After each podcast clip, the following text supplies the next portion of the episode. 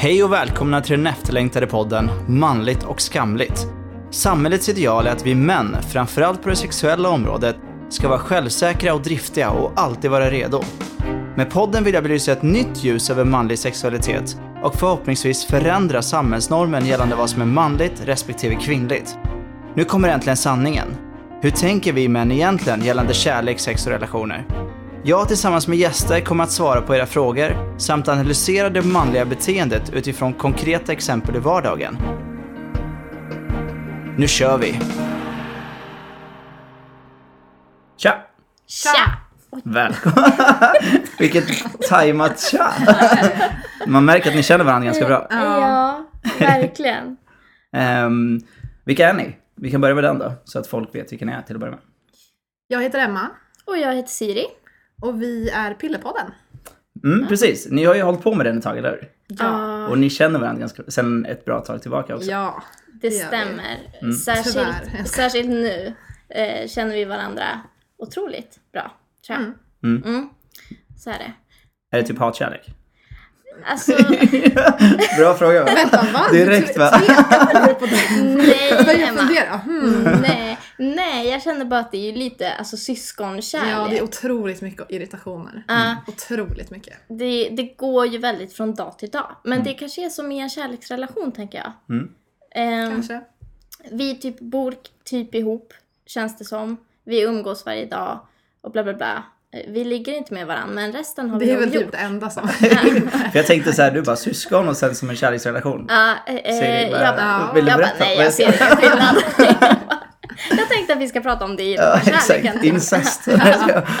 ja, Incest och psykisk ohälsa. precis, det hänger kanske ihop. Ja. Ja, verkligen. Nej, det ska vi inte prata om. Vi ska prata om psykisk ohälsa, det är sant. Eh, men jag tänkte att jag skulle börja med, eftersom ni har känt varandra så länge, och testa er och se hur bra ni känner varandra. Så det kommer eh, tio snabba, Ja. men ni ska svara åt varandra. Så vi kör en fråga i taget och så svarar du Siri till Emma, Emma Siri. Okej? Ja. Eh, kaffe eller te? Börja med Siri. Vad tror du Emma? Kaffe. Kaffe. Stämmer det? Ja. Ja, nu får inte du säga att det är fel bara för att. Ja, det stämmer. ja. Det stämmer. Ja, bra. Favoritgodis? Oh, ehm, oj, men det är ju lite så här, det är lite halväckliga godisar ibland. Lite sura, lite sådana. Men mest choklad går ju åt. Mm. Choklad. Mm. 100 procent. Mm. Vad, är, vad, vad är ditt Det är favoritgodis? otroligt oklart. Jag vet faktiskt inte. Nej. Jag är med chips. Ja, du är med chips. Nej, med ja. chips. Ja, Men det får man också svara. Eh, jag har också choklad faktiskt. Jag älskar choklad. Ja. Eh, kjol eller byxa? Eh, oh, på fredag kjol, andra dagar byxa. Fredagskjolen. Ja. Ja. Ehm, Siri kör, alltså det beror på om hon, om hon kör carry-stil. Då är det kjol. Annars är det byxa. Alltså Sex and the Sex City. and the City ja, carry, ja precis. Det beror på om jag kollar på Sex and the City. Ja men lite. Ja, du får inspiration då. Så då blir det kjol. Hon blir alltså, ja. Du, ja, du blir carry då. Ja, jag går loss då, eh, under de perioderna. Jag är med Miranda. Mm. Ja, det är du faktiskt. Ja. Du Ah, är... ja. Du är okej, okej. Frågorna. Vad roligt. Okej. Det är ju så här när man lyssnar på en podd också. Okej, vilken färg dominerar i garderoben? Eh, svart. Ehm, jag säger mönstrat. Kan jag säga så? Mm, Det är absolut. Det kan du säga. Mhm. Ja, svart 100 procent. Är det det? Ja, gud. Ja. Jag har väl, jo jag har ganska mycket mönstrat, det är sant. Mm. Det stämmer. Grymt. Bra. Eh, hur många kuddar sover du med? Nu får inte du tjuvkika bakåt. Emma. Mm, oj, oj, oj. Nej men det här är, alltså Emma har ju börjat ske- skeda med en kudde och en annan kudde bakom sig så att hon ska känna som att hon har pojkvän som håller om henne. Dubbelskeden. Men den där har väl alla kört? Alltså, ja, det, eller hur? Ja. Det är inget konstigt. Så med det blir bak det är nog... lite konstigt faktiskt. Nej, men det är bara mysigt. Ja. Det är som att Alltså, Ja, jag ty- kura ja. ihop sig. Ja. Ja, så med det blir det fem kuddar. Men jag funderar på om, om det kanske är en av de, två av de tre som du tar till det. Men jag säger, jag, jag säger fem. Jag, eh, jag chansar, jag slår till. Det slår till. Ja. Fem. Eh, jag säger, du har ju alltid massa kuddar, prydnadskuddar och skit i sängen. Mm. Och sen så slänger du bort en så jag säger att du ligger på huvudet med en och så har du en annan som bara ligger där. Hur många blev Mm. det? Jag är jätteförvirrad. Eh, en och en halv. En och en halv. Va? har jag en och en halv. Vad är en halv kudde? Den ena är bara vid behov. Aha, Jaha, okej. men du tänkte liksom vilken Ja, kudde du- som nuddar huvudet. Ja, det var väldigt intressant. Ja. Ja, nej, jag har tre kuddar min vän. Okej, ja men fem kan nog vara, vara rätt. Det kan stämma. Mm. Eh, favorit-tv-program och serie? Det har vi kanske nä- nästan varit inne på. Men ja. Nej, Emma har börjat med så här how, how I get away with a murder. Ah, How to get där. away with murder. Ja, och sen så kollar du på någon serie som ingen annan någonsin har kollat på. Eh, Weed. Den är grym. Weeds är den bästa serien någonsin. Jag har inte sett, jag har sett bara typ så här, några avsnitt av första säsongen. Men den ska ju vara extremt Det är bra och nio rolig. säsonger. Mm. Kolla på den. Och halvtimmesprogram så det är ganska skönt. Ja, men det är typ det du, du har snöat in på serier nu. Annars så kollar du ju på Nyhetsmorgon Ja, jag, Malou. jag tänkte säga Nyhetsmorgon på dig. Ja. Siri Nyhetsmorgon. Mhm. Stämmer det? Eh, alltså ja, det är den jag tittar mycket på. Det kan jag Mm. erkänna. Men Keeping up with the Kardashians. ja, det tittar Ja. jag faktiskt en del. Alltså det där. Den, Jag förstår ja, jag inte. ska inte ens gå in på den. Nej. Vi, vi släpper den bara. Ja. För, ja, jag fastnade också, men jag vet inte varför. Ja, hur som helst. Eh, vad finns alltid i din kyl? Alltså i den motsatta stora kyl. Mm. alltså det är ju otroligt många ostar som alla är så här, började på så här halvt. Och typ så här, tre smörpaket varav alla är lite halvfulla. Mhm. Ost och smör Mm. svarar jag. Eh, jag säger pesto och pasta. Mm. I kylen? Har du pasta i kylen? Hon har alltid kylen. Aha, okej, ja. Jag ser det nu. Just det, vi sitter i ett studentrum. Ja, Ditt precis. studentrum säger det. Ja, Jättecharmigt och mysigt. ja vad bra. Mm. Tack. Tack. Men då förstår jag varför du har allt i kylen. Ja, ja. Eh, vilket stjärntecken är du född i? Lejonet. Är hon alltså? Ja. Mm. Fisk. Okej, det hade ni koll på. Ja, Vi kollar har läst horoskop åt varandra. Det är bra. Stämmer de där? Ja. Ja, de gör faktiskt det. Mm. Det är oftast väldigt deppiga veckor liksom. Men då, Menade du horoskopen eller stjärntecken? Eh, är inte det samma? jo, Jo, men alltså, menade du om de stämmer att vi svarade rätt Jaha, eller? ja, just det. Ja, men det stämde ju. Ja. Det ja, förstod jag. ja, Ja. okej, ja, men. Ja. ja, Men horoskopen? Ja. Ja, precis. Vi, vill, vi vill ofta att de stämmer. ja, På något sätt så får vi dem att stämma. ja. Men fångar ni upp det deppiga i texten? Eftersom du sa att det var deppigt. Ja, alltså ofta typ förra veckan så fick Emma så här, den här veckan ska du hålla inne lite på dig själv, du får tänka över, det kommer vara lite ekonomisk ångest och så här. Och då måste vi ta tag i det. Sen Och göra det en att, plan. Ja, men verkligen. Komma på söndag kväll och så bara okej, hur lägger jag upp den här Hur- veckan? då gör Hur jag lägger jag Emma upp Siris vecka? ja. Ja, för då hade jag, Kära lekfulla fisk. som det brukar stå om mig, och så stod det att jag hade så här jättemycket kärlek och min vecka skulle vara jättebra. Då skiter vi ju i det horoskopet. Då måste ju allt fokus läggas på Emmas vecka. Aha, så. Ja, också för vår relations skull. Lite. Men mitt horoskop är antingen så här, den här veckan är inte din vecka. Eller så är det så här, en sötnos finns i ditt liv. Mm. Ja. Men då är det tvärtom för den andra och då måste ni hjälpa den istället för att fånga upp sötnosen. Ja, lite så. Lite så. Lite så. Ja. Men det, det är ju aldrig någon sötnos. Jag undrar alltid Ja, men, vem det, men det är sötnosen svårt att få en sötnos om man bara fokuserar på sin Ja, men kompis. precis. Ja, Ja, ja. sant. Hur som helst, vi släpper det. Ja. Morgon eller kvällsmänniska? Eh, oj, Emma är inget av det. Jo, alltså, Man får alltså ju sig jo, säga mer, mer Ja. morgon är det ju för att du har energi när du går upp och så. Men kvällen så, eller jag vet inte fan, du har ju mer ångest på morgonen. Eh, Säg bara. Absolut inte kvällsmänniska, så säger jag. Jag säger eh, förmiddagsmänniska. Mm, stämmer bra. Yes. Mm. Nu kommer den svåraste frågan och den sista. Ja. Vad heter du i mellannamn? Eh, Alltså då ska ni veta varandras mellannamn. ja. Ehm, I got this. Ja, det är ju Ingen press. Dagny. det är ju Dagny eftersom att Emma när hon var liten endast sjöng "Kom- Åh Dagny kom hit och spill för hon kunde relatera. Ehm, men frågan är, jag tror ju alltid att det är något mer. Äh, Julia! Mm. Emma, Dagny, Julia, Westerstredin. Korrekt. Ja. Magdalena. Stämmer. Siri Magdalena. Där ser man. Imponerad ja. faktiskt. Jag trodde inte att ni hade koll på det. Ja, men grymt. Bra. Det var snabbintervjun. Hur Ah. ni känner varandra. Nu får ni prata för er själva. Skönt, eller hur? Ja, Ja, otroligt skönt. jätte. Då kommer första frågan. Tre saker ni tar med er till en öde ö. Ooh. Och då säger vi att det finns wifi och allt sånt här på ön. Liksom. det det, är finns ingen, det. det är ingen så här, Nej. det, det är en Det är ö verkligen- 2016. Ja, ja, okej. Gud vad härligt. Ehm, jag tar med mig eh, min mormor. Mm. Hon får räknas som en sak i det här fallet. Ja. Jag tar med mig min mormor, jag tar med mig block och penna och jag Det här var tar... tre saker. Nej, ja, just Nej. det. Ja, men det får räknas som pennan en. sitter på blocket, tänker jag. Och sen så tar jag med mig... Kontrollbehov. Nej, jag ska... ja. Jag bara, vänta.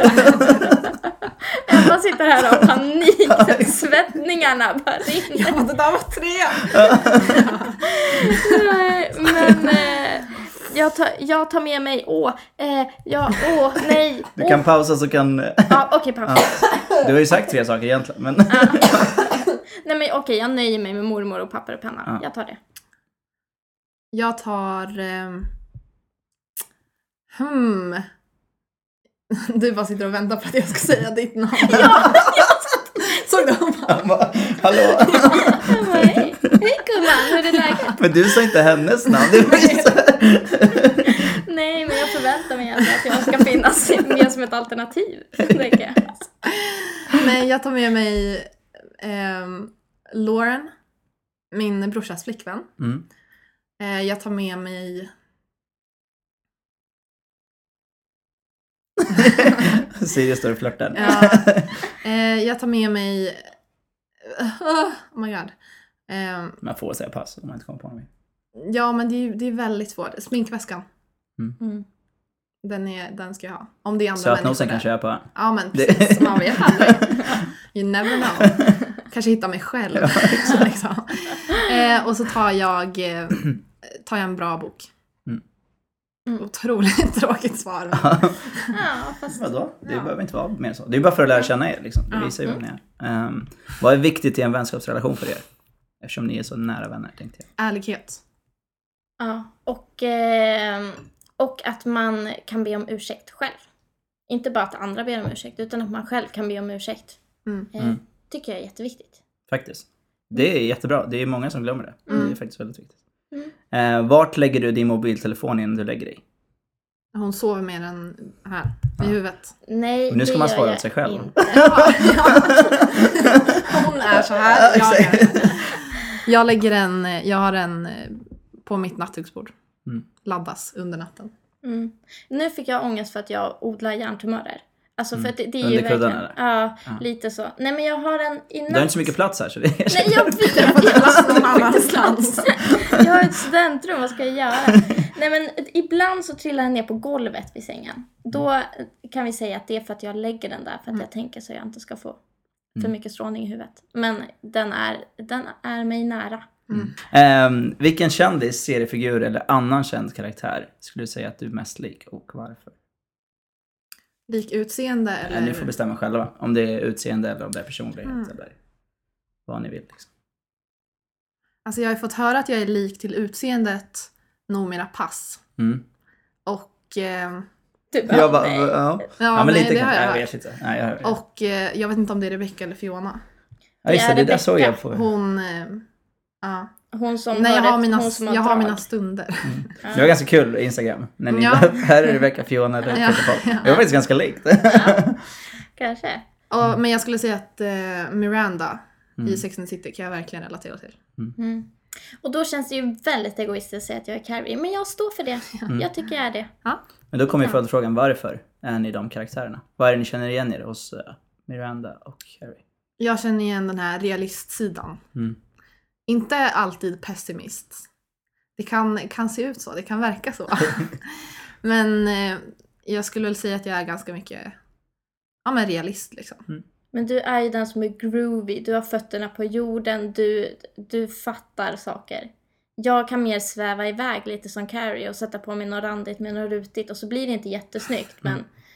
och lite så här, lite boys här och var och så lite problem och så. Ja, nej, ja lite så. Mm. Jag snör in mig. Alltså, ja, jo, Mm. lite så. Upp i det blå, Mm. tror jag. Mm. Och då Ja, men- menar jag inte alltid positivt faktiskt, tyvärr. Det verkar som att det är balans mellan er i alla fall. Ja, Mm. eftersom ni kompletterar varandra. Mm. Um, vart i världen skulle du vilja vara just nu? Om du inte satt här med mig. Och jag skulle vara mina syskonbarn Mm. i USA. Två av dem. Hugo och Alice. San Francisco. Det är också ganska nice att vara där. De har Ja, pool. Ja, Men- de men har jag skyller på Jag hade dem. skitit i syskonbarnen. De har pool och också is på sitt kylskåp. Det har inte jag här. Ispåse i ett kylskåp. Men nej, is. Ispåse. De, jag bara, de, har- de brukar ha Jag har pasta, de har is på Lätt, sig. Lättroat. Det är så här. Nej, men man kan ta... En sån i kylskåpet. Ja, ah, och okej. bubbelvatten har de också direkt. Så här riktigt amerikansk. Ja, mm. Det är nice. Jag skulle vara i... ehm, hmm, Barcelona. Mm. Eller Island. Eller Irland. Jaha. Se på fan. Ja, men jag vill se naturen där. Eh, ja men grymt. Eh, nu kommer den här klassiska frågan som jag tycker att alla killar ska fråga en tjej. Eh, vad har du i väskan? I en handväska. Vad har du alltid med i en handväska? Vad har jag inte i Exakt. handväskan? Ska man säga något pinsamt eller? Jag Säg. säger vad du har. Ja. Men jag har alltid med mig så här intimvåtservetter. Mm. Mm, det har jag faktiskt. Jag har alltid deo. Jag har eh, extra mobilladdare. En period hade jag plattång. Mm. Eh, Jag har nycklar, jag har Lypsyl. Skor Måste. har ni ju också jämt. Har ni inte här ett par sneakers eller så här platta skor? Nej, jag, jag, har, jag har bara sneakers på Ja, mig. du har bara ändå, sneakers. så Ja. Men Nej, när du carry... inte. Nej? Nej, Har du inte så här platta när du går ut och sen när du kör hem? Nej. Nej. Väldigt ovanligt. Eller alltså jo. Jaha, Det är alla har det. Alla har det. Alltså, liksom men så här, det är varje gång man ska ut från klubben så bara blupp, ja det är tjej. Ja, det Men är grej, här går man ju liksom ut i sneakers och svettig Ja. tisha. Ja, För att det det är är på sant. nation. Så Ja. det är lite sunkigare. Ja, just det. Ja, men Ja. det, det är väl det. Skönt. Nej, skor går vi faktiskt inte omkring med. Nej, nej. På, Nej. har, på oss har vi dem. Ja. Ja.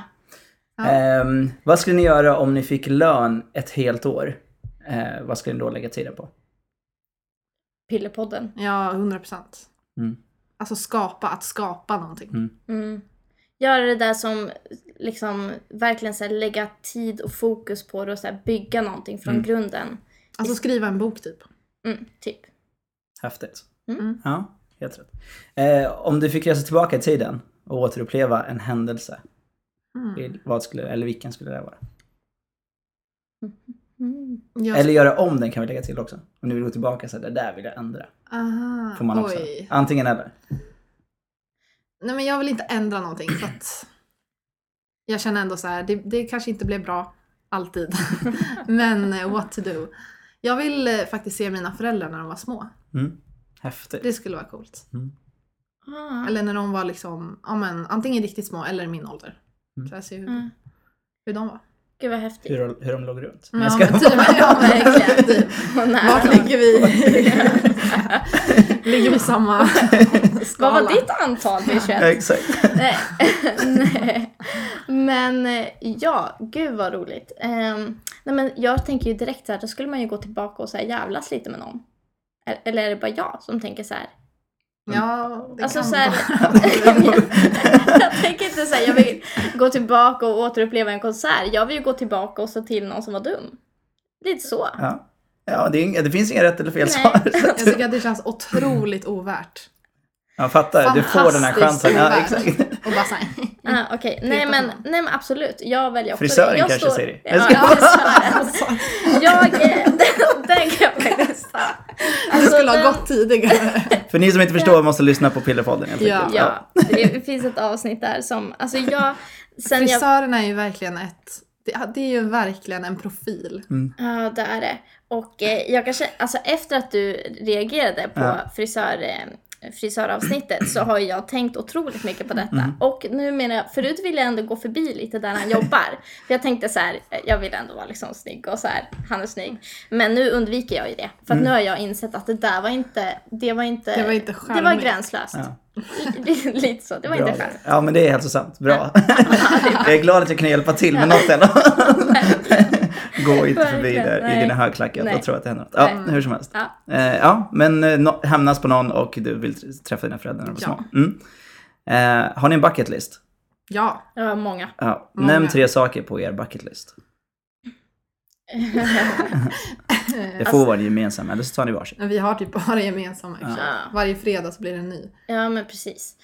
Ehm, nej, men det är ju mycket... det är ju mycket, alltså vi ska, har jag bestämt då, att vi ska hoppa i Yosemite som är så här en nationalpark i Mm. Kalifornien. Mm. Där det är så här jätte, jätte extremt höga berg. Där kan man liksom hoppa ut för, alltså nu Så menar jag med flyga. utrustning. nu, nu menar inte jag. jag bara, Vi ska dyka Vi ska bara hoppa. Tillsammans. Nej men med Nej någon, men sån här hangglider. ja, men någon liten vinge man har på sig. Jag vet inte hur, hur det inte. Vi gör någon hemmagjord. Vi klipper i papp. Paraply. Ja, och sen kör vi. Jag kan säga så, här, sätt den sist på listan. Okej, Kommer inte komma tillbaka. Nej, okej. Men vad då är, måste man ha dem i ordning på? Nej, nej, men jag bara tänkte om ni ska göra den Ja, jag först så är det inte så mycket kvar. nej, då är det inte så mycket kvar. Nej. Nej. men sen, jag skulle springa maraton, tänker jag, och Vasan. Men nu låter jag jättehurtig, men det är ju också lite, Mm. ja. Nej men det skulle jag tycka var Jag häftigt. kör inte klassiker på en gång. då. Nej, är simningen det kul, är för att mitt knä är paj, så Ah, jag måste ta det i omgångar. Jag ehm, vill bli en otroligt, otroligt bra faster. Grymt. Mm. Det är en sak som jag så här, Mm. det, det är ett mål. Liksom. Häftigt. Mm. Bra, eh, nu har vi kommit över till att ni ska berätta lite om ert projekt, eller företag snarare, Mm. och eh, Pillerpodden i stort. Ja, Så ni får fria ordet och prata om Pillerpodden. Shoot. alltså det är, eh, Pillerpodden startade vi eh, för att vi var jättetrötta på att ingen pratade om psykisk ohälsa. Mm. Och när det var folk som pratade om det så var det liksom gamla gubbar som hade gått på droger och bara “Jaha, det började med en psyk” liksom. Mm. Mm. Och vi kände väl själva så här att var, vi, vis, vi visste ju om statistik att jättemånga mår dåligt och du hade, Emma hade precis förlorat sin pappa. Ehm, jag hade mått riktigt dåligt något år ehm, och hade precis blivit dumpad. Ehm, så vi åkte på en resa tillsammans och pratade jättemycket om psykisk ohälsa. Och då var vi så här, men fick vi lite hybris efter några glas vin och var så här, okej men folk måste få höra vad vi pratar om. Det måste pratas om det mer. Mm. Liksom. För att skammen är ju en så otroligt stor del av psykisk ohälsa. Och så spelade vi in några avsnitt med så här hemskt ljud. Ehm, Så här skoldator. Ja, precis. Nej? Ingen mick. Ja, ja. Ah, ja. Vi bara, ja men vi kör. ah, Se vad som händer. precis. Och de finns ute alltså? Ja, de finns de ute. finns ute. De finns ute. Ehm, nej men och så, så tog det ju typ någon månad. Ehm, och så startade vi upp en ful rosa blogg och döpte den till Pillerpodden och Mm. började släppa ljudfilerna. Och så blev det jättestort, ehm, väldigt fort. Eh, Så vi upptäckte att så här, wow, det här, det här behövdes ju. Mm. Så. Mm. Och eftersom vi båda mådde så dåligt, det här var precis efter studenten, så hade vi ju inget jobb. Vi orkade inte ha ett vanligt jobb. Vi orkade inte plugga. Så att vi låg Vi bara hemma. hemma. Ehm, och i princip var så här, vi var ju nästan sängliggandes båda två när vi började med det, för vi mådde så sjukt dåligt liksom. Oj, sjukt får vi inte säga har vi bestämt. Men vi mådde otroligt dåligt. Mm. Ehm, och, eh, och så fick vi då lite förfrågningar om att föreläsa och så, så helt plötsligt så startade vi företag. Och upptäckte att det här var ett väldigt bra sätt för oss att ta oss ur sängen men också vi startade tjejgrupper och vi startade upp en representantverksamhet över Sverige och vi fick fler och fler som följde oss och, Mm. Och, och sådär. Så att det, Pillerpodden är ju så här, det är vårt, det är vårt gemensamma lilla barn. Och vi Mm. fick ju lära känna varandra Verkligen. mycket bättre, för så nära var vi inte Nej, när vi startade. nej. Liksom. Men som vi sa, vi pratade om när vi, Mm. när vi gick från stationen att så här, jag sa det att vi fick lov att skaffa oss något slags självförtroende för Mm. att vad skulle vi göra? Alltså Pillerpodden tog oss upp ur sängen. Mm. Men vi hade ju ingen aning om hur man startar företag, vad gör vi? Så vi fick sätta på oss våra kostymbyxor, liksom, Mm. eller jeans. Mm. Eh, och sneakers eller klackar och, och köra på. Vi fick lov att så här, "Ah, ja men nu, Mm. nu gör vi någonting. Mm. Och alltså det är ju... Men vi, också som du sa Siri, att antingen så är det Antingen så är det folk som är jätteprofessionella som kanske jobbar med det men de kanske inte har varit med om det. Nej, precis. Det var, ju- just det har vi ju fått höra att det är skönt att kunna relatera till någon som faktiskt Mm. inte är med psykolog eller utan det är en vanlig människa. Exakt. Liksom. Ja, och för vi har ju då så, har vi ju främst föreläst då under snart, ja men det var ett och ett halvt år i alla fall. Så vi har Mm. föreläst och jättemycket i för ungdomar. Mm. Men på senaste så har vi försökt utveckla för att vi har ju insett att det är väldigt många lärare och väldigt många arbetsplatser och vuxna som behöver höra det. Mm. Så vi har intervjuat politiker och haft och försöker liksom Ja men just med vårt erfar, er, erfarenhetsperspektiv kunna förändra. Mm. Och sen har vi podden som är mycket, alltså vår podcast är ju väldigt liksom avslappnad och Mm. skrattig och pinsam på många sätt. Mm. Ehm, och så har vi Tvodden som är mer liksom man kan ställa frågor. Men sen så har vi också, vi har ju ett seriöst engagemang i det hela Verkligen. också. Ja, alltså podden har ju mer och mer blivit liksom en, ett sätt för oss att hantera våra problem och våra, med vårt liv. Som en personlig dagbok helt enkelt. Ja men verkligen, verkligen. Det är vi två som sitter och snackar. Mm. Eh, och sen ibland handlar det om killar eller ibland handlar det om att vi inte har kunnat gå, gå upp Mm. ur sängen. Liksom. Mm. Men det, sen föreläsningarna är ju mer pedagogiska och mer Mm. fakta liksom. Hur det faktiskt ser ut. Mm. Men Ja. Mm. vi vill ju liksom bryta tabun på alla plan. Och det är det vi har insett nu mer och mer. Att det handlar inte bara om psykisk ohälsa. Utan det handlar om relationer och det handlar om sex och det handlar om... Pluggångest Ja, och- ja. Ja. Precis. Grymt! Eh, som sagt, temat för avsnittet är ju psykisk ohälsa. Det är därför jag tänkte att ni skulle passa väldigt bra eh, i det här temat. Jag tror också att, jag håller med er om att det är lite tabubelagt generellt, begreppet psykisk ohälsa, och man är lite rädd för det. Mm. Men också framförallt i relationer eh, tror jag inte man pratar så mycket om psykisk ohälsa överhuvudtaget. Nej, nej. Eh, om man gör det så är det inom stängda dörrar liksom, med sin partner. Och det är typ det Precis. enda. Mm. Eh, så jag tycker att det är ett väldigt viktigt ämne och jag är glad att ni ville vara med. Ja, Men vi är tack. jätteglada för Ja. att vi får vara med. Verkligen. Grymt. Nu ska vi prata lite allmänt om psykisk ohälsa. Mm. Eh, det, är ju, det intressanta är att det finns ju något som heter psykisk hälsa. Som många glömmer och man pratar mer om psykisk ohälsa. Men det är ju inte så konstigt heller för den psykiska hälsan är ju Mm. den normal eh, Precis. status. Men jag tänker också att psykisk, eller psykisk hälsa är ju någon slags, det kan ju innefatta både psykisk ohälsa Ja. och psykiskt mående. Alltså det är ju hela psykiska måendet. Precis. På något sätt. Exakt. Det är inte bara bra, det bra eller det dåliga Nej. utan det är ju, Det är det är ju allt. allmänna begreppet Ja. i stort sett. Ja, precis. Hur skulle ni vilja definiera psykisk ohälsa? Ehm, det är någonting som som ofta försvårar din vardag. Mm.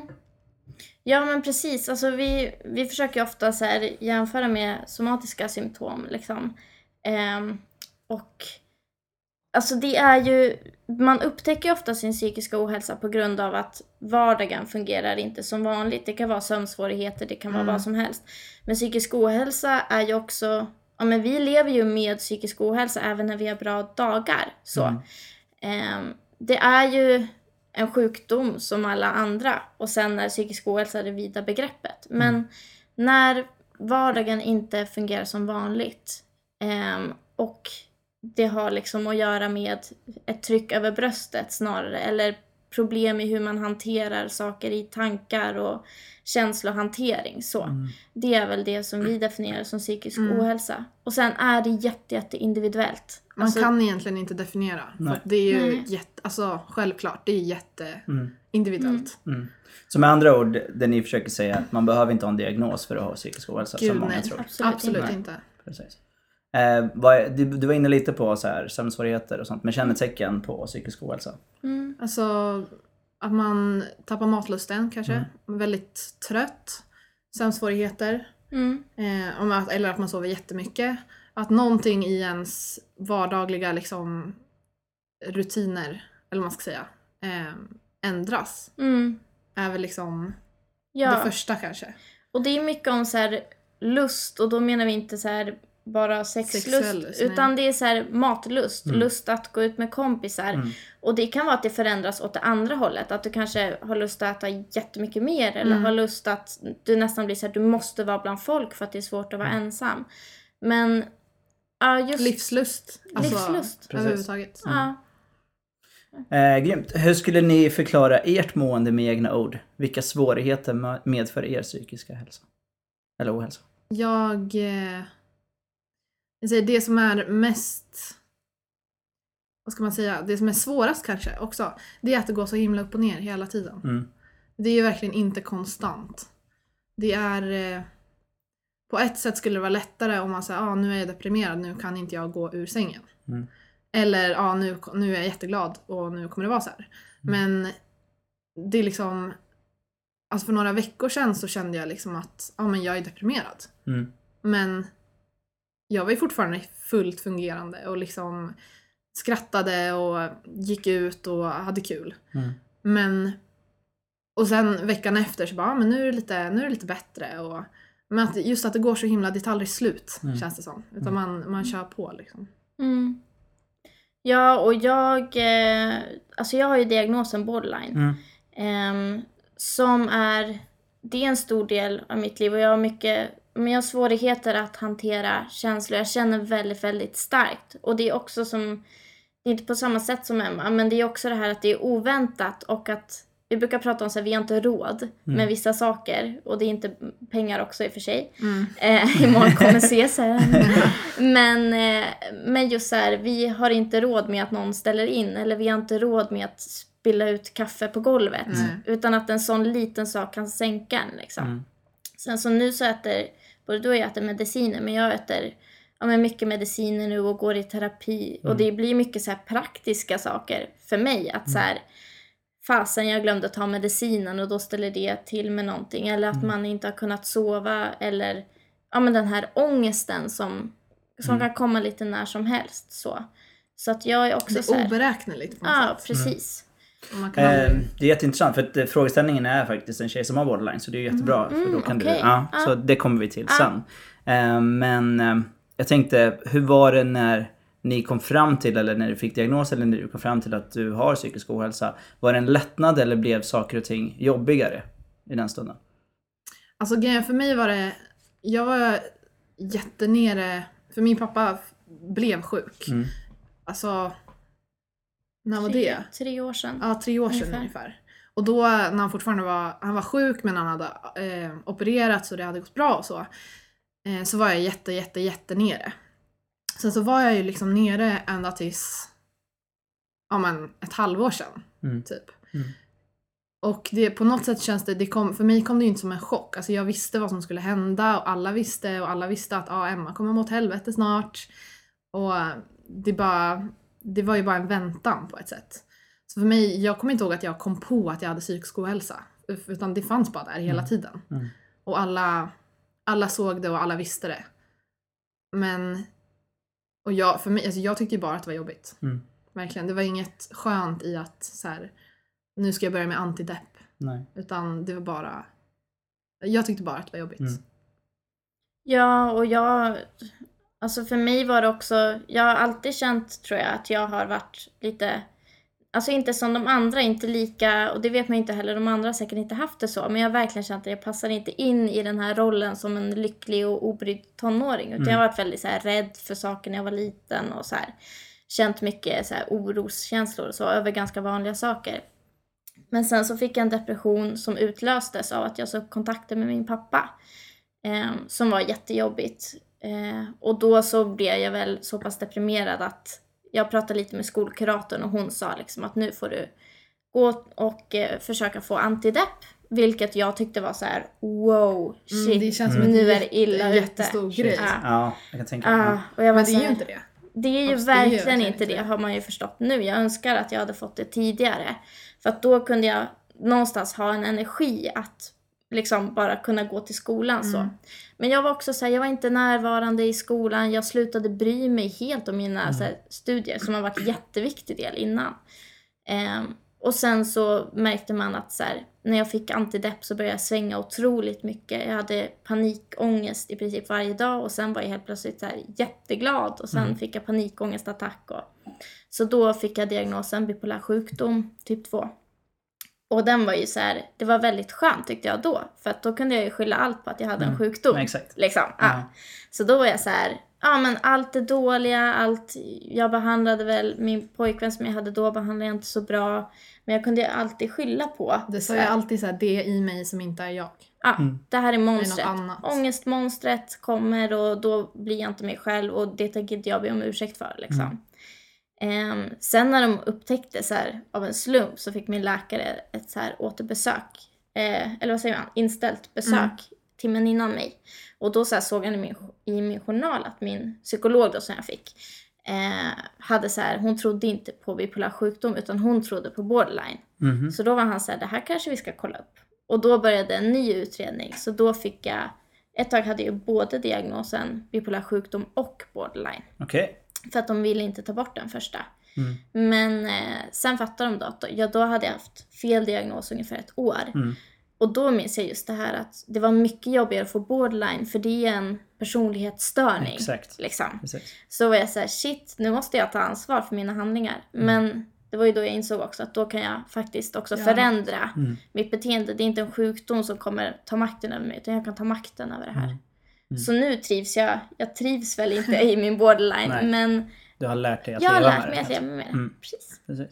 Du var inne lite på det, men hur, hur, eh, vad är reflektioner kring just psykisk ohälsa i relationer? Mm. Både om det finns, eh, såklart, eh, saker som inte är så trivsamma, men det finns ju kanske saker som är bra också i Mm. det. Eh, vad är era, era egna reflektioner kring det? Alltså psykisk ohälsa i era relationer. Alltså jag tänker att det är... Om man, har, om man lever med psykisk ohälsa, Mm. med någon annan, så är det ju väldigt, väldigt lätt att på något sätt, för det första projicera sin psykisk ohälsa och sin, sin kanske ångest, sin... eh, Ja men vad det nu är på just den människan som man älskar som mest. Mm. Eller som man trivs som bäst med. Och det är ju, det är ju skitfarligt. Mm. För att man har ju alltid, alltid ansvar för sitt eget liv. Och då har ju den andra också ansvar för sitt liv. Mm. Men det är inte alltid lätt att ta det. Ehm, och det är så jäkla tricky för att man, man vill ju verkligen hjälpa och göra allt man kan. Mm. Och, men det finns ju stunder där man verkligen där man inte kan göra mer. Mm. Och det är jättesvårt att inse det och liksom, ja, men ge upp. Att, ja, men, vet du vad, jag kan inte göra mer. Och det är jätte, jätte, jättesvårt. Mm. Oavsett om det är vänskapsrelationer eller familjerelationer eller kärleksrelationer. Liksom. Mm. Men, och sen så tänker jag också att det är jätte, jättelätt att bli beroende av en annan människa. Att man, att man, jag vet inte hur jag ska förklara det, men att man liksom ser det som sin enda, Mm. sin enda trygga punkt. Precis. Och det, det tror jag är så här en fara med det och risken med det. Sen är det ju så här, det går ju verkligen att ha bra relationer. Men jag tror att man behöver hjälp och lite vägledning i det. Därför att precis som du säger, alltså jag var ju, jag var ju ändå, vi var ju ganska små när vi gick i gymnasiet. Men jag blev ju beroende av honom liksom. Mm. Snarare än liksom en, andra kanske blir så här jätte, jättekära men jag, var, ju- jag klarar ju inte vanliga saker liksom. Ehm, och det tror jag är en stor risk och jag tror att man behöver vänner som ser det kanske och så. Men sen tror jag också så här, om du är en människa som kan känna, och många med psykisk ohälsa är jätteduktiga på att uttrycka känslor. Mm. Så jag tror så här, jag tror ju samtidigt att det kan bli väldigt vackra relationer Ja, och gud, väldigt ja. ärliga och Absolut. man är väldigt medveten om, om man själv inte alltid har mått bra så Mm. bryr man ju sig väldigt mycket om hur andra mår. Verkligen. Och just det här, man kanske har en inbyggd känslohantering. Så jag Mm. tror det är så här, jag tror det är jätte, jag tror att det liksom är, kan bli otroligt sunda relationer åt andra hållet. Men jag tror verkligen man behöver reflektera lite mer kanske. Just det här, hur tar jag ansvar för mig själv? Hur, man måste ju välja att vara med en Mm. person istället för att behöva en Mm. person. Precis. Ehm, och det jag, tror jag är viktigt. jag tror att kommunikation, alltså kommunikation är ju det viktigaste Mm. i det mesta. Mm. Men eh, speciellt med psykisk ohälsa för då Jätte- man vet inte alltid hur man själv mår eller hur man ska hantera det men att, att så här, ah, nu känner jag så här, hur ska vi göra åt det? Vad tycker du? Hur känner du? Mm. Ehm, att man verkligen och respekterar varandras svar. Att så här, nej jag kan inte göra något mer för dig nu. Ja okej. Eller hjälp mig, du måste göra det här. Ja men då får man göra det. Alltså att, ja, att prata verkligen. Mm. Prata, prata, prata. Alltså det känns ju rätt logiskt såklart att det blir någon form av så här beroende av den Mm. tryggheten som man har just i den Mm. stunden. Så det, det tycker jag är ganska logiskt att det blir så. Men som ni är inne på att man måste någonstans bryta det. För att det, det går inte att lämna över ansvaret Nej, på den andra på det sättet. För Nej. att det är inte hållbart i längden. Precis. Eh, och kommunikation tycker jag, det är ju absolut jätteviktigt. Men det är, det är lite svårt på ett sätt för att, för att det ska bli en bra kommunikation. Då måste på något sätt den andra ha någon form av förståelse. Ja. Mm. Och förståelse kan man inte förvänta sig från någon som inte lever Nej. i det. Så det där tror jag det blir ganska så här Mm. knepigt då. Men det är klart, det går Mm. Det är där är jättebra sätt som du är inne på. Just att så här mår jag nu. Vad Mm. gör vi? Hur ska vi liksom? Men jag tänker så här, inte bara att... För att man, man kan ju aldrig... Ja men som du säger, man kan ju aldrig förvänta sig att någon Nej. annan fattar. Det går ju inte. Eh, men att, lys- att lyfta det bara så här att ja men nu vet inte jag hur jag, nu vet inte jag vad jag ska säga för att jag kan inte förstå. Precis, det är jätteviktigt. Men det är, det är mycket bättre än att så här, nej men jag ska inte säga det här för att, Nej. och vara helt tyst. Precis. Mm. Det är, vi brukar säga det i våra föreläsningar, så att världens mest underskattade mening är jag vet inte vad jag ska säga eller jag vet inte vad jag ska göra. Mm. För att då har man ju ändå på något sätt visat att man ser. Mm. Sen så, Mm. och det, det kan ju vara det viktigaste ibland. Mm. Mm. Inte själva att göra någonting utan att visa att man vill. Sen Mm. kanske man inte kan det. Men Mm. Och där får man ju också välja så här, behöver jag just det att någon verkligen, verkligen förstår i en kärleksrelation? Vi har tänkt på det själva, så här, behöver vi Mm. vara ihop med någon som själv har haft ångest? Mm. Men också att se så här, sina olika relationer, att så här, ja men Emma liksom förstår eller liksom fattar och kan så här, var, var sprider jag ut det liksom? För samtidigt kanske man känner själv att så här, ja men i min kärleksrelation, där måste jag bara få kunna släppa det här och bara ha kul och Mm. må bra och skratta. mm. Eh, det är ju olika hur man väljer. Sen föredrar ju vi relationer där man kan prata om sånt också, där Mm. man ser hela människan på något sätt. Mm. Ehm, men just det också att man får, jag tror att man, man kan ju inte kräva, det är det som är så svårt, för man kan ju verkligen inte kräva att någon annan ska förstå, för jag tror inte att någon annan helt Nej. förstår Nej, det heller. inte. Det går ju inte. Nej, Nej. precis. Ehm, Och även om man, om hen då, som man är tillsammans med, lever med i psykisk ohälsa så kan man ju inte förstå varandras psykisk ohälsa Nej, heller. Exakt. nej. Oavsett. Mm. Nej men det är svårt och man behöver prata om det mer Mm. tycker jag. Jättesvårt. För att det är, det är svårt, det är lätt att det blir så laddat om man bara ska ha den här diskussionen med sin partner. Mm. För då blir det ju säkert lätt att det blir så här skam och skuld. Varför, varför var du ute och festade när jag Mm. hade ångest? Exakt. Och liksom. Så jag tror man behöver verkligen prata om det mer i samhället. Alltså Mm. hur, hur, hur kan man hantera det Mm. liksom? Och prata med folk runt omkring liksom. Precis. Och det är det ni gör bland annat. Så, alltså det är det jobbet ni gör, så det är skitbra. Eh, har ni tänkt längre fram då? Eh, med barn och liknande. Hur, Mm. hur tror ni att ni ska förklara det? Eller behöver man förklara det? Eller tror ni att det liksom... Har ni reflekterat något kring eh, så långt fram? Mm. Alltså ja. Mm. Jag har ju syskonbarn som är lite äldre än vad Mm. dina är. Ehm, och de har ju verkligen, de vet att moster är ledsen ibland. Mm. Ehm, och sen så fick de, jag bodde med dem i somras, så då pratade jag liksom om, om Mm. sjukdomen och medicinen och sådär. Mm. Ehm, och sa liksom att det är som att man har brutit benet fast jättelänge och det sitter i hjärnan. Mm. Liksom, att, eh, och sen nu tar jag det här pillret och väldigt så här Jättebra. öppen med det. Mm. Ehm, men också tror jag att det är väldigt viktigt att inte lägga skuld på någon och att visa så här. Jag tror att det är jätteviktigt att visa barn att så här, det här är, en, är mitt, mitt problem. Men det har ingenting att göra med er. Mm. Det här är en sjukdom. Liksom. Mm. Det är ingenting. Det är inte att man, man kan skratta ibland fast man har den här sjukdomen. Och, Mm. och liksom sånt där tror jag är Mm. viktigt. Så att inte Jättebra. de känner att om jag är ledsen så blir mamma ledsen. Mm. Liksom. Precis. Men- Ja. jag tycker det är jätte, jätteläskigt och det är klart att när man, när man har levt med det ett tag och jag inser att jag kommer ha den här diagnosen typ hela livet. Mm. Det är klart man vacklar ibland och är svinrädd. Så här, Mm. kommer jag kunna ha barn när jag har sån här ångest? Mm. Och det vet man ju går. Mm. Men det är klart att det är läskigt Mm. tycker jag. Jag Absolut. tycker det är jätteläskigt. Men jag håller med. Mm. Men eh, ja, jag tycker också att det är bara att, att visa att, för jag tycker absolut inte att man ska vara tyst. Nej. Alltså man måste ju Mm. liksom Prata om det. prata om det.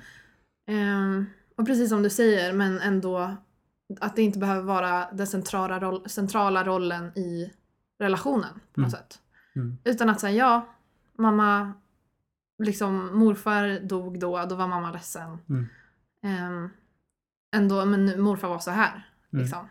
Mm. Ehm, men att, att eh, normalisera det på något sätt, men att inte göra det till världens största problem. Mm. Hur, vad är er eh, erfarenhet av eh, vården i stort? Det är sista frågan innan vi går Mm. över till frågan. Mm. Har ni så här? Alltså jag har ju, jag har ju eh, liksom erfarenhet av den, av, vad ska man säga, vad heter det? Eh, oj, primärvården. Ja, primärvården, Mm. precis. Primärvården. Ehm, jag har ju aldrig varit på, på psykakuten, jag har aldrig varit på den liksom akutvården. Nej. Utan jag fick antidepp ganska fort. Ehm, och sen har det rullat på. liksom. Så för mig har det varit väldigt, väldigt smärtfritt. Just Mm. vårddelen. Jag har alltid fått den hjälp jag har behövt. Och det i sig är för att min mamma har krigat som fan. Mm. Liksom. Jag hade aldrig klarat det själv utan man måste, också jätteklyschigt, men man måste vara frisk för att vara sjuk. Mm. Det där är så sant. Mm. Ja. Eh, det är min mamma som har ringt och så här skrikit och bara hon måste nu, hon måste ha mediciner. Liksom. Mm. Så för mig, vården är bra om man väl kommer in i den. Mm. Sen är det ju det som är problemet att man måste ofta ha en diagnos för att komma in i vården. Och diagnoser, det kan ju du berätta mer om, men Mm. att diagnoserna ställs väldigt, väldigt fort bara för att man ska få en diagnos, att man Mm. sen ska få hjälp. Men det blir ju skevt i, i längden. Mm. Det, du får berätta om det. Ja, nej men jag var ju, jag brukar säga det, jag var ju expert på att ha bipolär sjukdom. Därför att jag ville ha hjälp så gärna. Jag hade ju sådana extrema problem. När man inte kan gå i skolan och inte ha normala, träffa sina vänner och sådär. Eh, och de, jag fick höra att det fanns misstanke om bipolär sjukdom typ 2. Då googlade ju jag det. Och sen så när jag skulle for, fylla i formulären så vred jag ju, ja men varenda liten sak var såhär, ja fast Jo men jag är lite mer kreativ ibland. Och Mm. det, Mm. det är klart att man är om man så ofta är Såklart. deppig liksom. Ja, men- att Ja. när man väl har energi så vill man göra mycket saker. Mm. Och det är så här, det kan ju ses då som maniskt. Så Mm. jag, för, alltså jag var skitduktig på att fylla i det där formuläret och jag visste hur det skulle se ut. Just för att jag ville så gärna ha en diagnos så jag kunde få någon hjälp. Mm. Och det tycker jag är, jag tycker det är jättefarligt. Jag eh, har inte blivit bemött särskilt bra. Jag har haft sjuksköterskor som har sagt att de kan inte, eller en sjuksköterska då, sa att hon, hon tror inte på det jag säger för att du har minnesproblem så vi kan inte lita på dig. Shit. Ehm, ja, och det har varit mycket ja, men, utredningar där man sen får gå ut. Alltså, du sa det så bra förra veckan att man när man ska lämna blod så får man sitta och ha frukt och mackor och saft och prata med folk. Mm. Eh, men när man har fått en diagnos så släpps man bara ut. Mm. Och eh, jag, eh, jag har blivit behandlad ganska dåligt. Jag fick ju som sagt fel diagnos. Mm. Bara det ska ju inte kunna hända Nej, liksom. Ehm, och jag har blivit runtskickad Mm. På många sätt. Jag har blivit sist prioriterad på psykakuten och de har behandlat mig jätteilla där. Och, Mm. så att jag har ju så här. Sen har, finns det änglar också. Alltså just nu så har jag ju en läkare som är hur bra som helst och jag har hittat det. Mm. Men jag tror att vi i samhället behöver se varandra så pass mycket mer och ta upp det här som en fråga. Att det är Mm. ingen kostnad att lägga på den psykiska Nej, vården. Nej. Utan det är en investering. Och Mm. vi lägger så mycket, ingen skulle sätta sig emot att vi lägger så mycket i budgeten på cancervård. Exakt. Men när det kommer till oss psykiskt sjuka, läskiga Mm. människor som Mm. finns någonstans långt Mm. borta med ett rakblad, då vill man inte lägga pengar på det. Liksom. Nej. Nej, precis. Så att det är så här, jag, så här, jag, upp, alltså jag vill verkligen att folk ska söka vård. Eh, för att jag, jag vill verkligen inte skrämma bort folk. Men vi kan inte alltid lita på vården och Nej. det suger. Men det är det här klassiska när det är ett, ett, ett liksom tillstånd som inte syns. Och det är Mm. det som är det svåra med vården Mm. i lag. För att Mm. har du ett brutet ben så syns det. Har Ja. du cancer så kommer det synas. Liksom. Mm.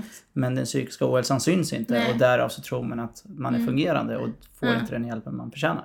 Nej, men Eh. jag har ju tvättat bort sminket när jag Mm. ska in till psykakuten. Mm. Ja, Liksom. men jag förstår, jag förstår precis varför du gör det. För att annars kommer du se för fräsch ut. Precis. Ja. Ja. Men jag, jag tänker också att okunskap, alltså det Mm. finns okunskap även bland de mest liksom kunskapsrika människorna. Mm, absolut. Just, men vi fick ju höra, ja men just det här av en, ja men det var en lärare som bara, men vänta, har ni varit deprimerade? Ni är ju snygga. Mm. Vi bara, ja, vad har det Ja. med saken att göra liksom? Och också i vården, det var Ja, någon tjej ja. med ätstörningar som träffade en läkare som sa så här, ja fast du ser ju rätt. Så här, Du rund ser ju utom normal låren. ut. Liksom. Nej, sjukt. Ja. Men det, det är så men det är grejen så, det är det här med liksom, kunskap, det är så intressant för att Alltså, jag värdesätter erfarenhetskunskap genom erfarenhet mycket större än teori. För att har du levt med någon eller varit i den, då blir det en helt annan förståelse. Och man kan inte förvänta sig av folk. Nej. Det är, det är samma sak med rasism och liknande också. Man kan inte förvänta sig att folk ska veta hur det är att komma till ett annat land och liksom så. Det vet man ju inte. För Nej. du har inte gjort den resan så Nej. det är klart att du inte vet. Och läsa på är bra, jag säger inte att det är dåligt. Men det är inte samma sak som att Nej. Nej, va- nej. leva med det. Verkligen. Bra, Nej, det är jätteintressant. Eh, ska vi gå över till frågan? Ja. Det gör vi. Då kör vi.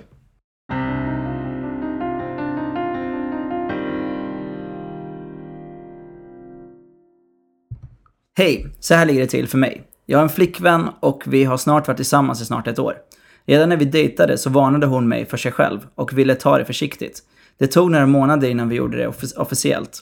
Hon berättade strax därefter att hon, är, bi- eh, att hon har borderline. Allt har varit jättebra, men det har verkligen märkts att hon lider av ångest och skuld. Vi bor tillsammans i en etta och har gjort det i några månader nu.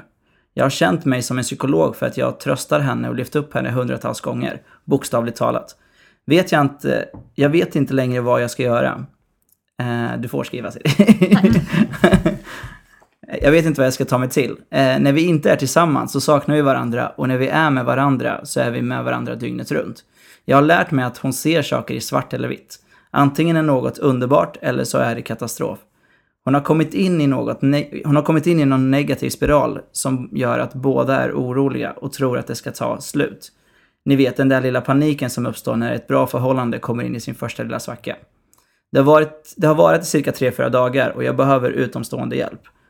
Eh, över hur det, hjälp över hur det ska gå tillbaka till, till det vanliga. Jag är, en jag är inte någon psykolog. Har ni några tips? Älskar podden by the way. B bara. Det finns inget namn. Vill vara lite anonym.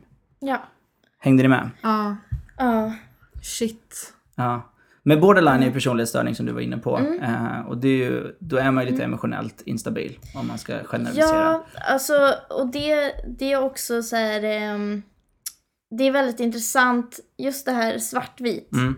eh, gillar ju inte jag. Nej. Ehm, och jag förstår att andra människor kan se det så Mm. och att det kan vara mycket antingen eller. Men jag tror att när man lever i en relation med någon så ser man väldigt tydliga just när det pikar och Mm. väldigt tydliga dalar. Men gråskalan däremellan, Exakt. som jag menar är det färgglada, Mm. det tror jag är det som man håller på med hela tiden. Mm. Och jag är säker på att den här tjejen då, också om hon säger att hon upplever skam, eller han har uppfattat det, Mm. Ehm, att hon håller inne sig själv till 50% hela tiden. Och jag tror verkligen så här, hon jobbar ju otroligt mycket med det, men inte för att förminska liksom hans, alltså, hans rädsla i det här. Alltså jag tycker det är så här, jag förstår honom verkligen. Hens rädsla. Hen. Vi vet inte om det är en kille eller tjej. Vet vi inte? Eller. Nej, det vet vi faktiskt inte. Nej, det det, är kanske sant. vi inte vet. Det kanske vi inte vet. det kanske, ja precis. Ja, det, kanske. det är bra, det är bra poäng ändå för att det vet Ja. vi faktiskt inte. Men, men jag, trodde, vi. jag trodde också att det var en kille. Ja, jag tror Ja. alltså. Ja. Ja, precis. Nej men, och det är, eh, ja, nej men det är svårt. Jag, alltså jag tänker för det första, det här med att man känner sig som en psykolog och inte har den kompetensen. Den känner ju vi två. Been there. Ja. Ja, men det är ju klassiskt. Väldigt mycket. Ja, och, och det är ju verkligen, Och det, det är verkligen så här, det, det spelar ingen roll om man har varit ihop i ett år eller om man har setts en gång. mm, Det är så här, ja, de flesta, jag, jag har aldrig haft ett seriöst förhållande men jag har ändå, jag har ändå pratat med en del killar. Mm. Så kan jag säga. Fint formulerat. verkligen. Ehm, men och det, det slutar ju alltid på något sätt, jag vet inte om det är om jag utstrålar någon slags energi som är så här: kom och prata med mig om Mm. dina problem. Men eh, det slutar ju alltid med att så här, ja jag har också haft ångest. Jag bara ja, Ja, Mm. ja, ja. vad ska jag säga? Liksom. Vi är ju hobbypsykologer 24-7 Deluxe. på något Ja. sätt. Ehm, och det tror jag är så här, det, vi får väl uppleva det mycket för att vi har en podcast. vi Ja, får det ju är skylla oss lite självklart. själva Ja, absolut. Precis. Men, Och men det är verkligen, ja förlåt nu avbryts. Nu säg. jag. Men jag tänker, och det är verkligen, det är jättebra att prata om det och det är Mm. jättefint att, att de vågar komma till mig liksom. Mm. Men just det här när man känner att, bara okej, nu var ju inte det här, absolut om vi har varit ihop, liksom, jag vill hjälpa såklart. Mm. Men det Men det är ganska inte- intressant, alltså utifrån det manliga perspektivet nu, Mm. som inte känner till dina relationer. Mm. Men jag snappar ju upp ganska snabbt att du säger att jag har också ångest, säger Ja, de. ja. Det betyder att du redan har pratat om det. Så varför har du rätten att prata om dem, med dem om det Så säger de så här, jag har också ångest. Så säger du, men nu blir jag hobbypsykolog, nu orkar inte jag det.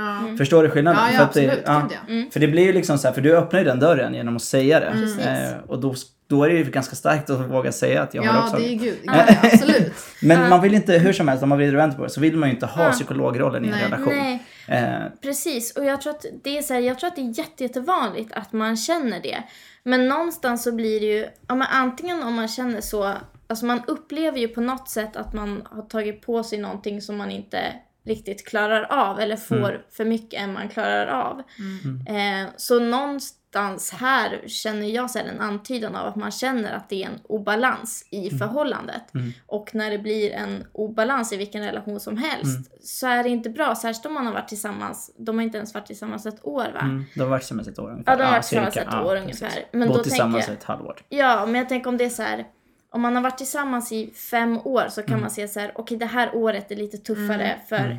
för, hen, för Mm. henne. Ja, exakt. Ja. Ehm, och nu så liksom, nu, då kanske jag kan ta någonting nästa Mm. år. Men jag tror att det är så här, alltså jag tror att det blir väldigt tydligt också när man har varit med någon så kort tid och sen så just det här så börjar det kanske svacka lite Mm. liksom. Och då kommer säkert sånt här upp. Mm. Och det är så här, man ska ju, alltså man kan ju bara prata om det som man själv liksom Var det med? ja, men varit med om och känner till och det man orkar. Mm. Men någonstans här så tror jag att det är också så här viktigt att våga vara den som markerar. Och, så, och det säger jag som har borderline som är Mm. väldigt känslig för liksom ja, men för när någon tar ett snack eller så här, Mm. jag vet inte, jag har svårt att hantera Mm. känslor. Men jag tror att det är jätteviktigt för jag tror att det blir en låsning om den här personen inte vågar säga att nu känner jag att jag hobbypsykologar dig. Precis. För att man är rädd för att hen, hon Mm. ska råka ut för ännu större dipp. Mm. Liksom. Och det måste man ju tänka. Ah. Det kan man inte undgå den tanken Nej. om jag tänker utifrån mig själv. Jag Ah. hade också tänkt så. Ah. Jag skulle ju aldrig droppa den. Nej. Speciellt när Nej. man har gjort så här mindre saker som troligtvis har, Ah, som man har reagerat på starkt. Ah. Och då blir det så här, om jag droppar det här då kommer det bli Ah. ännu större. Liksom. ah.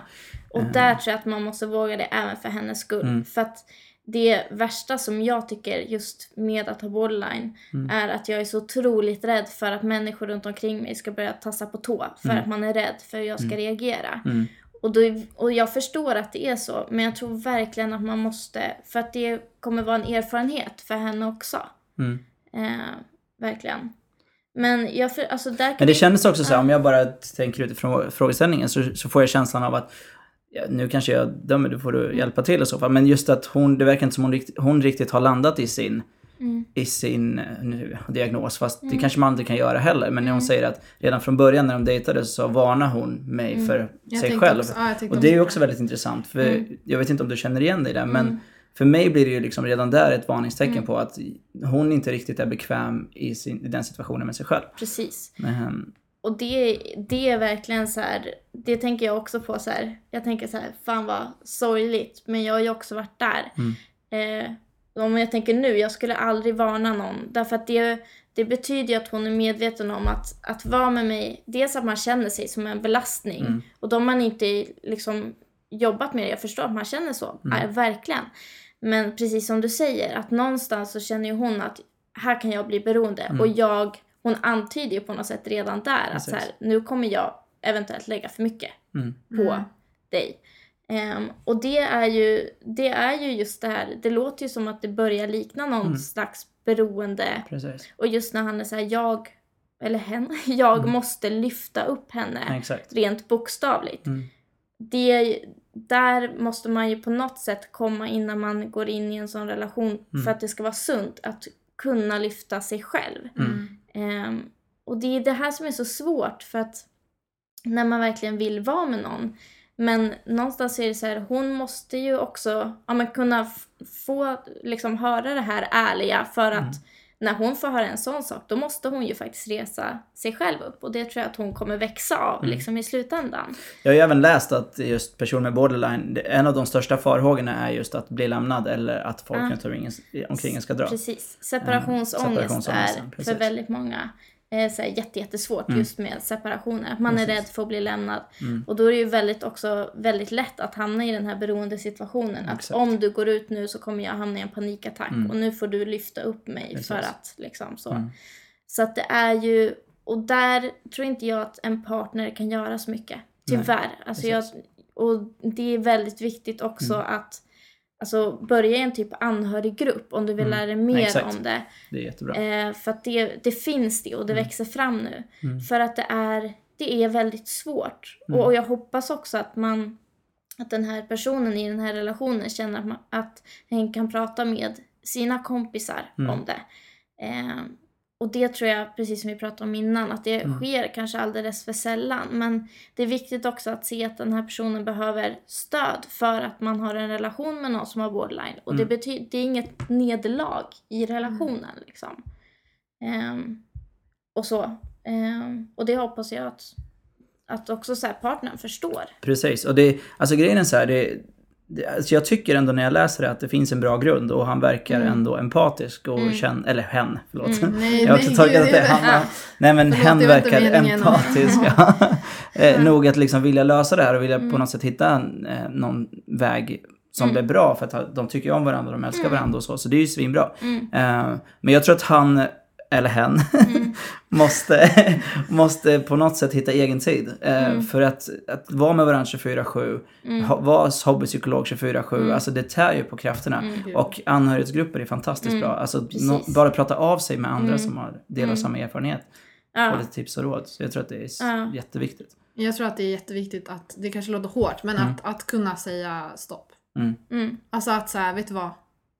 Det funkar inte. Mm. Mm. Alltså inte att de ska göra sl- alltså inte något Nej. sånt, men Nej. att, vad vet du vad, jag, jag måste gå med någon och prata nu. Eller jag Mm. måste för att, Mm. ja men återigen, prata. Alltså var öppna om det. Mm. Hur, hur bra är det om man skulle liksom ta hjälp av familjeterapeut eller något i den stilen? Ja, Känns det väldigt utpekande då om man skulle liksom... För det kommer ju handla, Mm. jag, jag ser det framför Ja. mig att det kommer handla ganska mycket om Mm. just diagnosen och det Mm. tror jag inte är så bra. Men nej. eh, Ja, alltså det är verkligen... Alltså jag tror ju på all form av terapi om det Mm. funkar. Verkligen. Ehm, så att det är så absolut, prova det. För någonstans, det är någonstans det, det blöder energi här Mm. liksom. Och just det här att vara med varandra 24-7 på det sättet. Någonstans måste det hända någonting för deras egen skull liksom. Och då kan det vara att hon jobbar mer på sig själv och, Mm. och liksom så. Eh, eller att han får någon form, nu säger han, han får någon Mm. form av egen tid. Mm. Eh, eller får att han kan börja säga stopp. Mm. Precis. eller få hjälp någon annanstans Mm. ifrån. Men eh, ja, jag tror absolut på det. Mm. Alltså om det funkar. Men för att en diagnos, visst man kan säga att det är normalt och man kan ha ett normalt liv med en diagnos och man kan bli liksom frisk för en, Mm. för en tid. Men det är också det är en stor grej. Mm. Och det tycker inte, man ska inte avdramatisera det heller. Nej. Mm. Utan det är en jättestor grej. Sen går det att få jättehälsosamma relationer. Men Mm. bara du och jag, Emma, har ju liksom... Vi brottas ju båda två med min borderline ibland. Därför Mm. att vi jobbar ihop och är så Mm. nära vänner. Mm. Och det är ju ingen hemlighet liksom. Nej. Men vi har ju hittat ett sätt, tycker jag. Ja, eller? gud ja. Ja men absolut. Ja. Men det finns ju där. Mm. Obviously. Men det, det handlar väl, han, han kommer ju lära sig hennes beteendemönster även om det Mm. inte finns så här, så här beter sig alla som har Mm, borderline. Men Mm. hennes eget mönster Ja. kommer han ju hitta och Mm. där kan han väl anpassa Mm. sig lite efter, Mm. eller henne. Mm. Anpassa sig efter henne liksom. Mm. Men jag Eh, tänker också, förlåt. Nej. Jag avbryter där. Nej. Att det är väl jobbigt också men att låta det ta tid. Ja, För att det precis. går inte över en natt. Nej, exakt. Det är Nej. jättebra. Jag tror vi avrundar där. Ah, Och går över till Ja. eh, veckans spaning. yeah. Ja!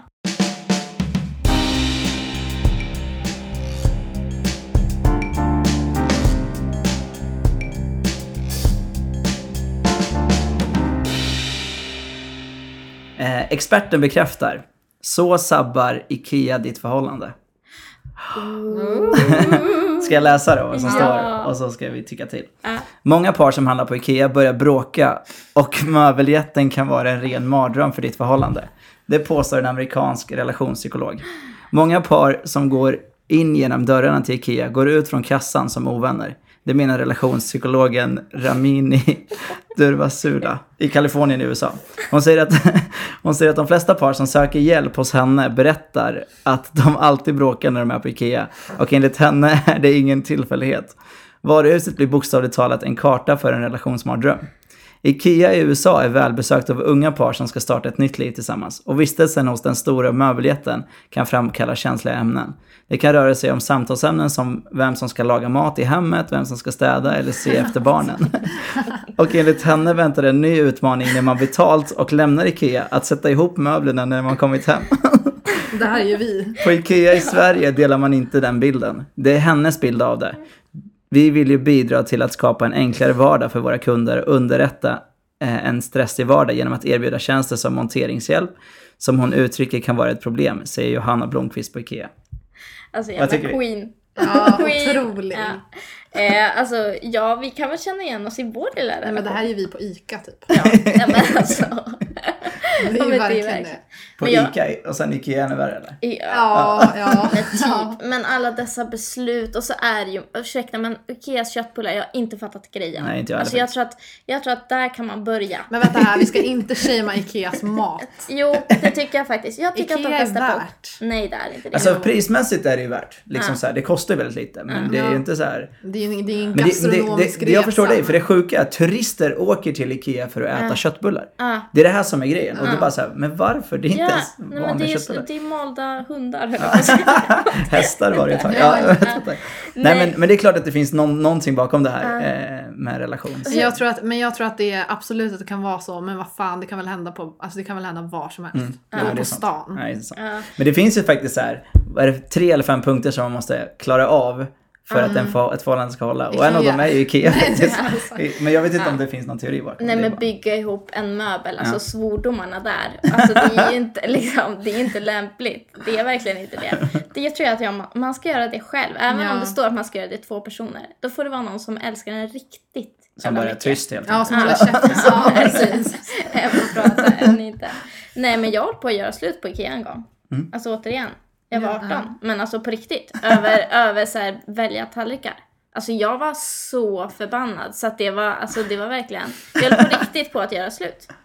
Sen, var ju det, sen kan man ju diskutera hur starkt ett förhållande är då.